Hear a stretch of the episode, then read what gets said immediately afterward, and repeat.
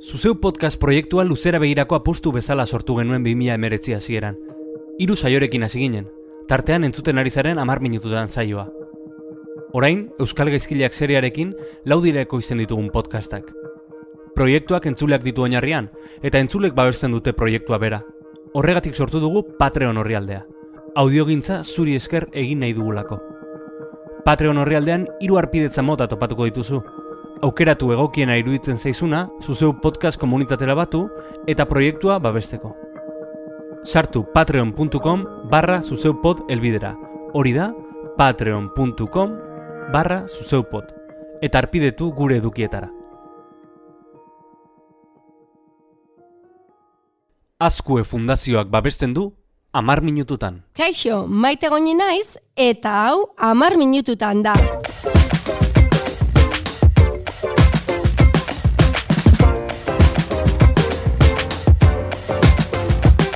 Denbora horretan zure galderak erantzun eta praktika eredugarriak ezagutuko ditugu. Ea ba!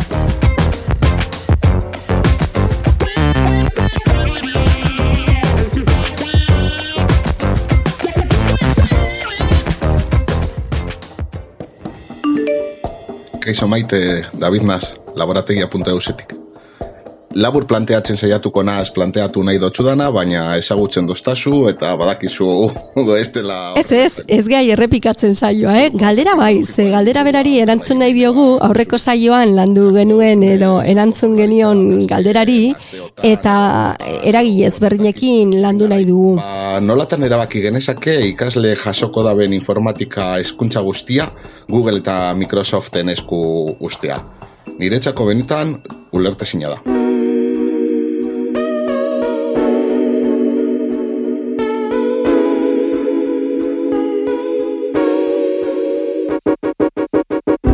Gogoratu, e, buru jabetza teknologikoaz eta software askearen erabileraz ari garela, hezkuntzan e, zergatik dan garrantzitsua, eta bar, eta gaurko saioan ikastola elkartearekin jarriko gara harremanetan, hain zuzen ere, Josune Gereka ikate arduradunarekin.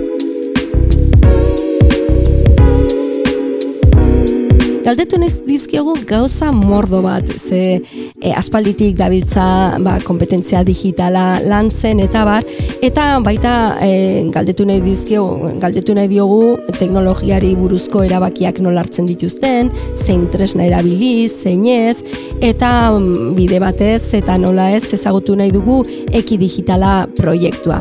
Beraz, zuzenean Josunerekin hasiko gara.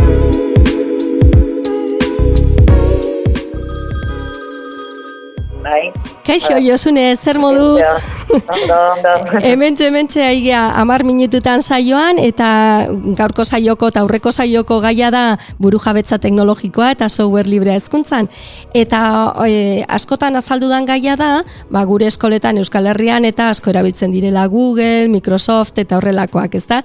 Baina, nik badakit, eki proiektuan horretaz zaratago beste, e, beste batzuk ere erabiltzen direla, beste erraminta batzuk, eta bar. Baina hori baino lehen, nahi dut azaltzea ia eki e, proiektua, eki digitala zertan datzan, ba, entzulek pixka bat jabe diz, e, jakiteko zertaz ari garen hitz egiten. E, bueno, eki proiektua bere izi berdegu alde batetikan eki proiektua bere horretan, proiektu pedagogiko bezala, eta eki digitala. Uh eki proiektua zari geranean, ba, ezaugarri e, proiektu pedagogiko bat eta zari gera, ja amar urte ematen du atzo izan zala, baina ja amar urte da emakigu proiektu honekin. Esango nuke, amar urte eh, pasatu. Amar urte dira, ja, bai, lehenengo implementazioetatik, bai.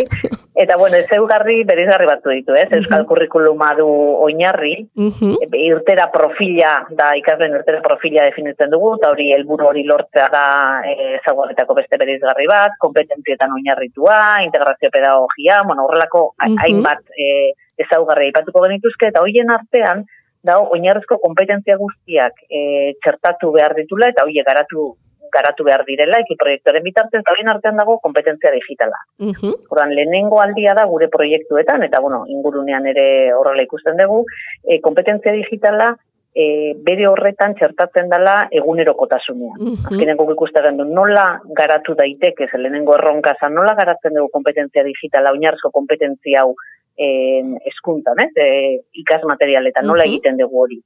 Azkenean ikusi gandun bide bakarra zala, oinarrezko bo, jardueretan txertatuta, ikate jarduerak bere iziz, eta arloetan, azkenean gure eskuntza ia da egin nahi deula gero eta interdisciplinarragoa, gero eta arloen da indikagoa, ez? Baina ora indikan e, arloak e, garrantzia dute e, egiten dugun garapen horretan. Mm -hmm. ikuste gendun, arlo hoietatik ikusi behar gendula ze onura eta zertan lagundu dezake kompetentzia digitalak arlo horren garapenean, eta arlo horrek ere nola lagundu dezake kompetentzia digitalaren garapenean eta horrela definitu ditugu, barlo ba, desberdinetan, eki proiektuak hasiera batean arlo konkretu batzun implementazio egin zuen, zei arlo, normalki hizkuntzak, uh -huh.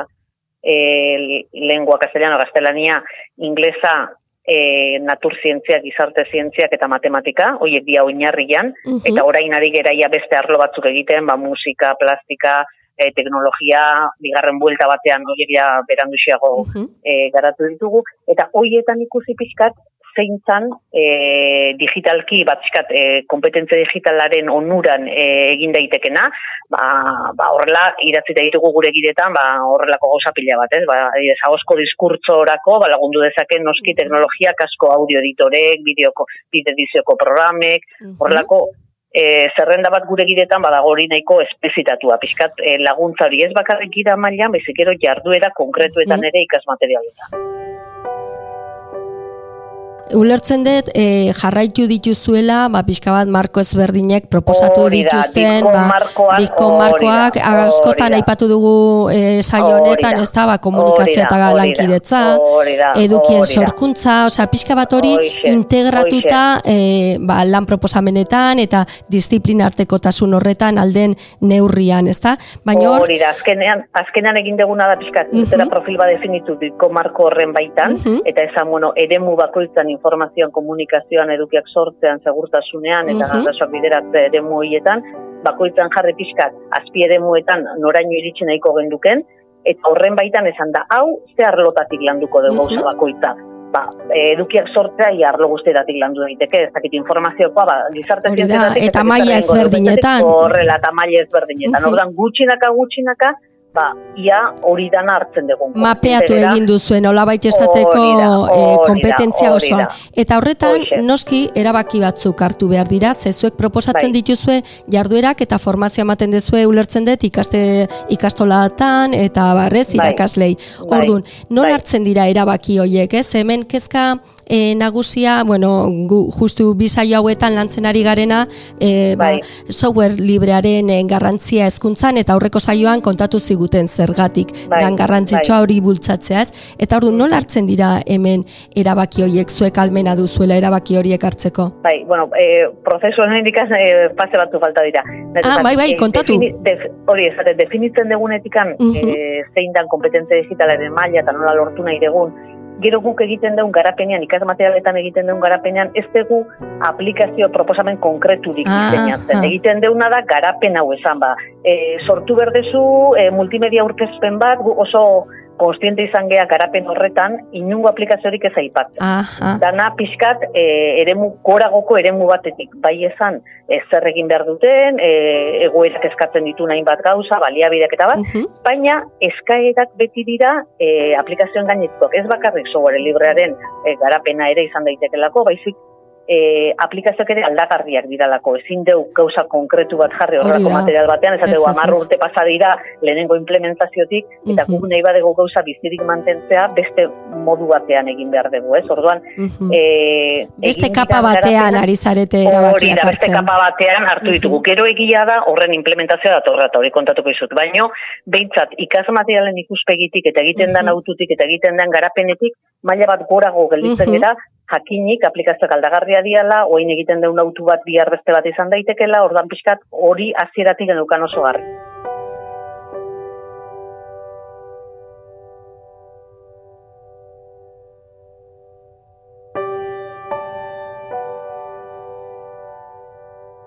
E, bueno, ordan implementazio bat gauza bada, e, aztegian etikan hor proposamenean, gero guk egiten dugu edizio desberdinak egin ditugu bat paper edizioan e, Euskarren nagusia papera dana, Mhm. Naiz eta orain kompetentzien garapenean paperarekin bakarrik ez da nahikoa eta naiz liburuetan e, erabili eki ikastola batzuetan edo ikastetxetan hortizeat, badago horrekin batera plataforma batean euskarriak ematen ditugu. Mhm. Euskarri digitala, ba, bideoak, audioak, ze, bakarri paperarekin ezin dira hainbat gauzai. Mhm. Eta horre ere daude txartatuak jarduera, ikate jarduera.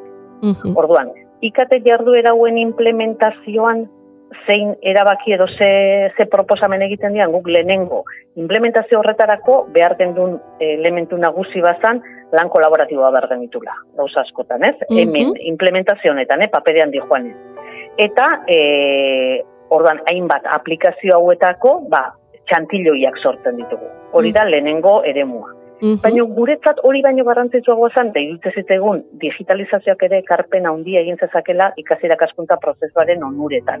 Eta hortan siniste gendu. Eta hortik etorreztan, igeigen moduan eki digitalaren proiektua. Eta hortan zertzan eki digitala? Bazan, digitalean arituz, plataforma baten gainean arituz, ikasi kaskunta plataforma baten gainean, e, gure ikasmaterial hau e, martxan jartzea zergati bai egulako irakasleek onurak e, lortu zitzakela, ba, jarraipen ikasleen jarraipen egiteko garaian, uh -huh. ikaslei zuzenketak bideratzekoan, ebaluazio zigarria ezategun horretan, feedbackak egiteko, eta barra.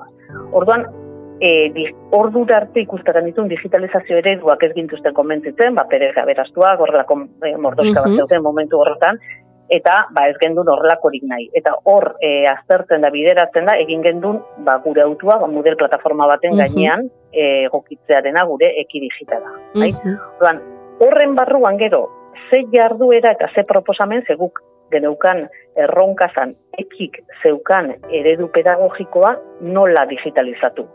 Zeguk e, eduki guztia ez etan gu garatua, osea eduki guz edukia dago hemen irakasle desberdinen artean garatua, proiektu aman komun batean, eta ordan jarduera tipologia bat zeukan, barakatze jarduera, kokatze jarduera, pedagogikoki definitu da zeudenak aplikazioak, eta bat, ordan gure erronka zan, hori nola egiten du digitalean. gure digitalizazio ere horretan, zeuden hainbat jarduera egin dirana, ba, galdetegi formatuan model bertan bai? Beste batzuk bertan erantzuteko laburrak diranak, mm ikasleari momentuan erantzutekoak izaten diranak eta horiek ere model horretan daude. Eta gero zeuden beste lan batzuk ja luzeagoa fitxa formatoan ditanak e, paperean normalki, horietakoak mm -hmm. baten ereduan egin ditugunak eta horietako asko dira modu kolaboratiboan egin behar zidanak.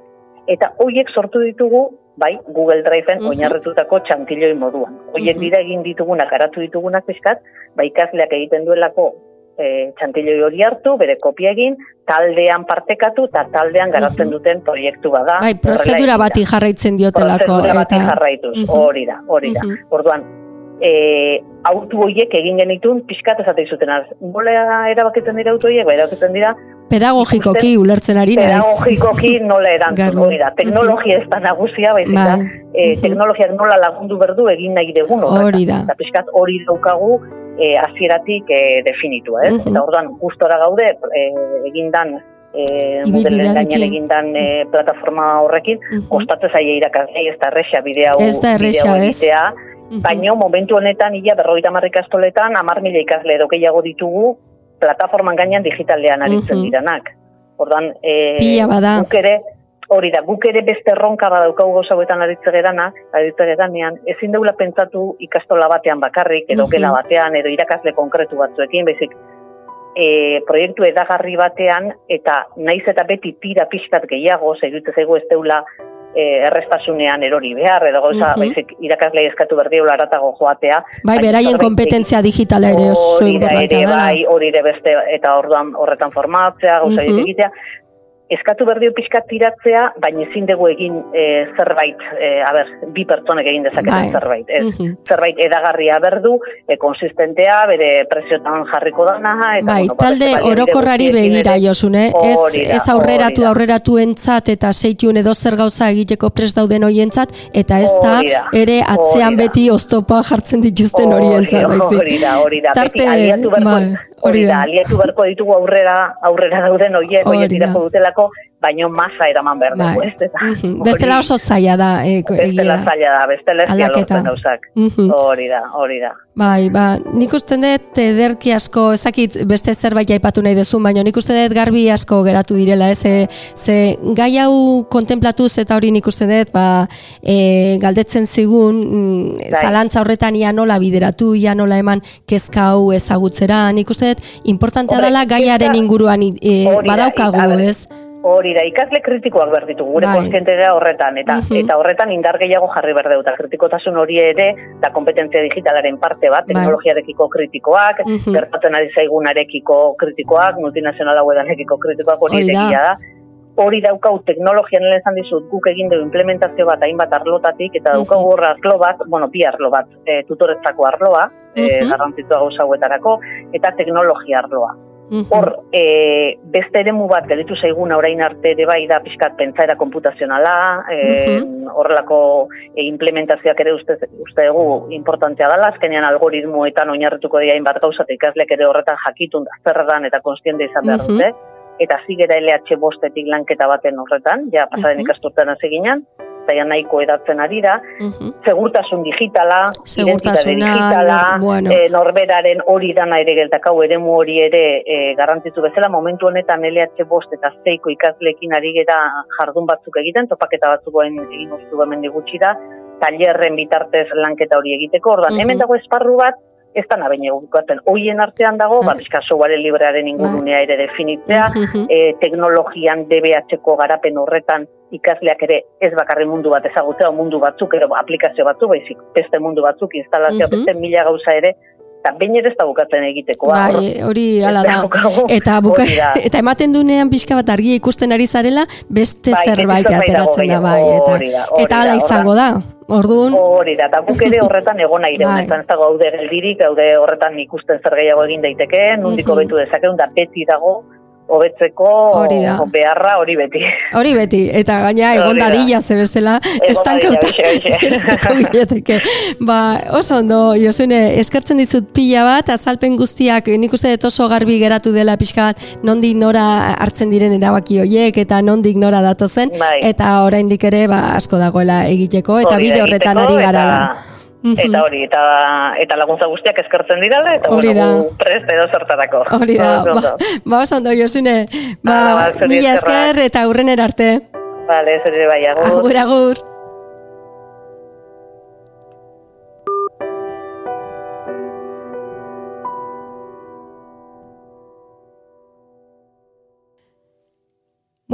Gaurkoan lehen eskutik oso esperientzia interesgarria ezagutzeko aukera izan dugu, ez? Eki digitala, kompetentzia digitalaren garapena nola egiten duten, eta entzun dugu baita ba, nola hartzen diren autu teknologikoak.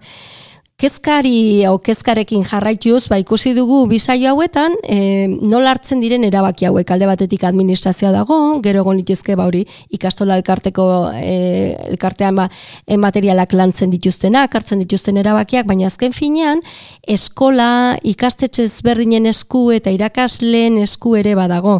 Beraz, e, oso zaila da istea horrelako gai bat, nik uste jarraipena eman behar diogula, ez? Eta horretarako zein izan litezke urrengo urratsak, ba, e, Davidek e, bere galderak em, plazaratzen zuen bezala, gaiari zabalkundea eman bertzaio, hausnarketa foro ezberdinetan ipini behar da, eta administrazioarekin uste dut logiko izango litzatekela baita administrazioarekin e, hitz egitea ikustea ze ondoriok dituen edo ez dituen horrelako e, erabakiek eta eta bueno pixka bat gaia modu naturalean plazaratzea eta eztabaida e, sortzea. Eta beste ertz e, garrantzitsu bat da irakasleengana iristea ez? Irakaslengan zabaltzea kezka hori jakiteko ba beraiek hartzen dituzten erabakien atzean ba, zer egon liteken eta zer dagoen.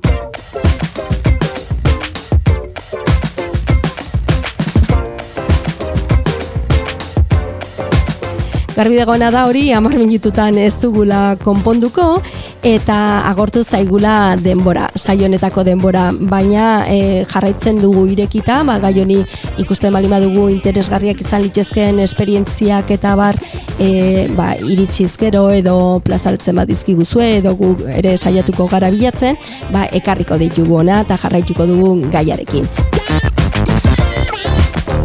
Bueno, oin ba, hausia izan da guztia, gaurkoz, gaurko saioan, eta badakizue, esare sozialetan ba gaudela, Twitterren amar minututan, eta Telegrameko taldea ere badugula, bazuen galderak eta kezkak jasotzeko. Ondo izan, eta horren erarte.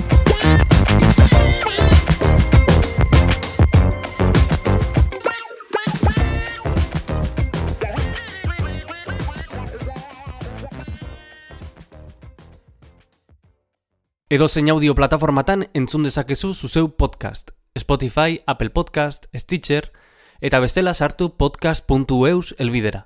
Hori da, podcast.eus. Eta bertan topatuko dituzu ekoizten ditugun saio guztiak.